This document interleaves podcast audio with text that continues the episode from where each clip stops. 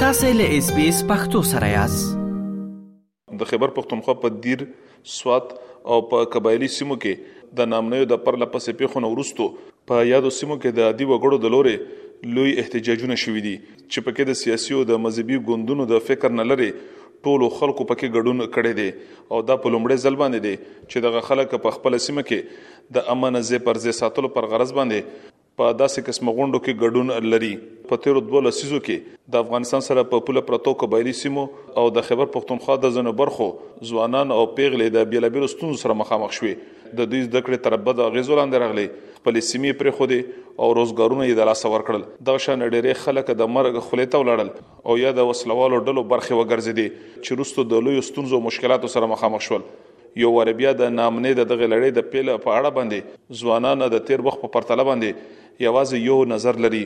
او وایي چې د سیاسي فکر نه لري پر دې خبره باندې فکر پکار دی چې څنګه به د دوی په سیمه کې امن ازې پر ځې پاتې کیږي عبد الله فریدی د خبر د باړې سیمې اوسیدونکو دی او سیاسي تړاو د تحریک انصاف او ګوند سره لري دوی چې د غوسنې نامنې دوی ډیر اندښمن کړي دي ځکه چې د زده کړو پر مهال دوی هم ډېر بد حالات لیدلي دي او نه غواړي چې یو وارې بیا یې سیمه د ناامنۍ په لور باندې لاړه شي. تېرو وختونو کې ډېر سخت وخت تېر کړی دی، موږ ډېر د سختو حالاتو سره مخ شوي یو، په دا ترهګرۍ په دا حالاتو کې، په دا ایکسټریمیزم او ټروریزم په دا وخت کې موږ ډېر سخت حالات لیدلي دي او ډېر سختو حالاتو سره مخ مخ شوي یو. اوس چونکې دا سوکوله موږ لږې سترګې غړېدلې وې، لږ امن روغلی و، لږ نه ډېر امن روغلی و، سکون روغلی و، موږ کور پورونه لګ روان شي وو موږ تعلیمي ادارې روانې شوې وي موږ په یو خټریک باندې روان شي وو د موږ کوم موجوده دا نوې نسل د خټریک روان شوی وو خو د بد مرغه د بد قسمتۍ نه اوس بیا حالات یو بل طرف روان دي نو دغه موږ ډیر د بد قسمتۍ نه د ډیر د خوب او د ډور په نظر ګسو او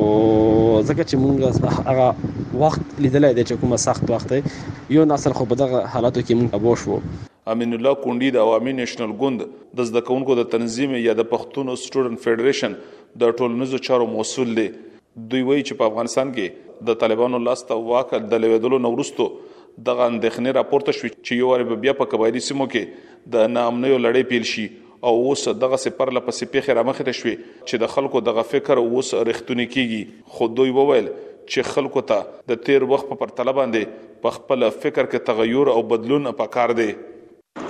چې افغانستان کې کله سقوط وشو نو اندازه یې داسې وه چې دا چې کوم هلته طالبانو حکومت مات کړو او افغانستان یې ونیولو نو دا حالات پاک پښتونخوا ته هم راځي. قبایلي اضلاع کې خو لکه پاکستان ویلي چې موږ امن راوستو موږ اپریشن وکړي خو هغه اپریشنو کې څومره نقصانات شو نن هم لا پورې پوره نه دي او بیا او همدغه شانتي کوم ته چې پاکستان ګډ طالب او نوم ورکړی دی همدغه ګډ طالب چې کوم دهشتګرد دی همدغه شانتي ځوانان یې وشتل او ختمول او مکه شانتي خلک اغوا کېدل اګه ځوانان سیاسي او پارټو سره تعلق ساتلو خو لکه ټارګټ کیلنګ بیا همدکه سیاسي ګوند ځوانان وو او دا بیا مړه کول. اوس په نزدو کې په سوات کې د ځايي طالبانو د لورې د پولیسو یو مشر او د فوځ ځنې جګپوړي چارواکي نیولي وو او دغه شان دغه ویډیوګانې په ټولنیزه رسنیو کې خپرې شوې خو لا تر اوسه پورې هیڅ کومې دولتي ادارې په دې اړه باندې کومه کره خبره نه ده کړې او یوازې د خیبر پښتونخوا ایالتي چارواکو ویلي دي چې د یو امنناک عملیاتو تر مخه طالبان افغانستان ته بیرته ستانه شوې دي خو بیا ځنې فوزي چارواکو ویلي دي چې سوات ته چې د طالبانو راتګ په ډیر شمیر کې نه وو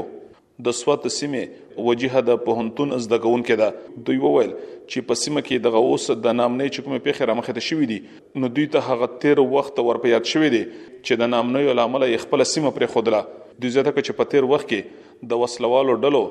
زنانو ډېر مالی مرستې کړې دي او دا یې فکر کوو چې دا به د دوی په ګټه تمام شي خو بیا دغه څه نه و دلته چې کوم کرنٹ سچويشن دی نو اخو وس ډیر زیات برداشت نه بهر دی ځکه چې طالبانو چې کوم ټیرر د دهشت ته نو غا نور هم سیوا کیږي پرسنلی که زه خبرو کوم خپل نو زه ډیر زیات پرسنلی یریدلی یم ځکه چې ماته هم هغه شانتې کنډیشن ښکاري هغه شانتې سچویشن کوم چې تیر ځل شوی او مونږ بیا تلو اوټ اف سواد نو خلک خو ډیر زیات یریدلی دي او دا سوچ کو چې طالبان بیا څنګه رالو او څنګه سیستم چې دی غزم غچلی او سیستم چې کوم دی اډمنستریټیو چې کوم افیسرز دی هغه سکه یا نه کوي نو کرنټلی خو ډیره زیاته یره ده او تیر ځل چې څنګه موږ تلیو د سواد نه نو هغه ډیر زیات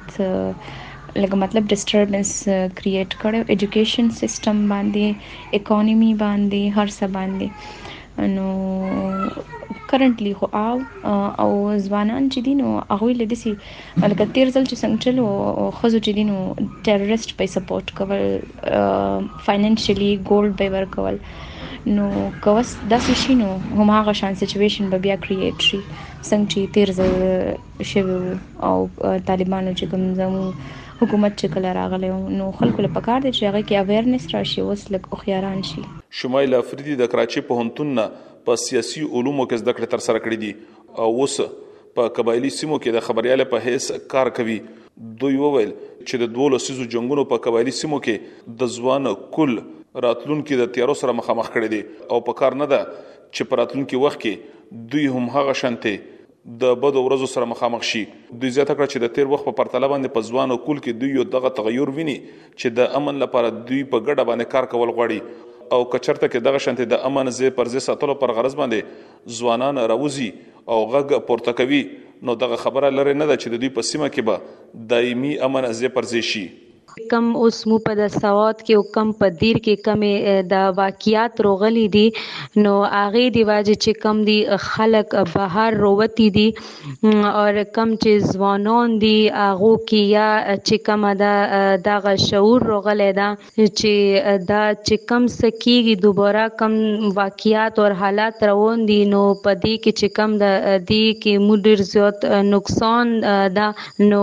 دا کدا سي مظاهري مظاهري کیږي او دا چې کم د خلکو ته دنیا ته دا پیغام رسیږي د مظاهرو په ذریعه باندې نو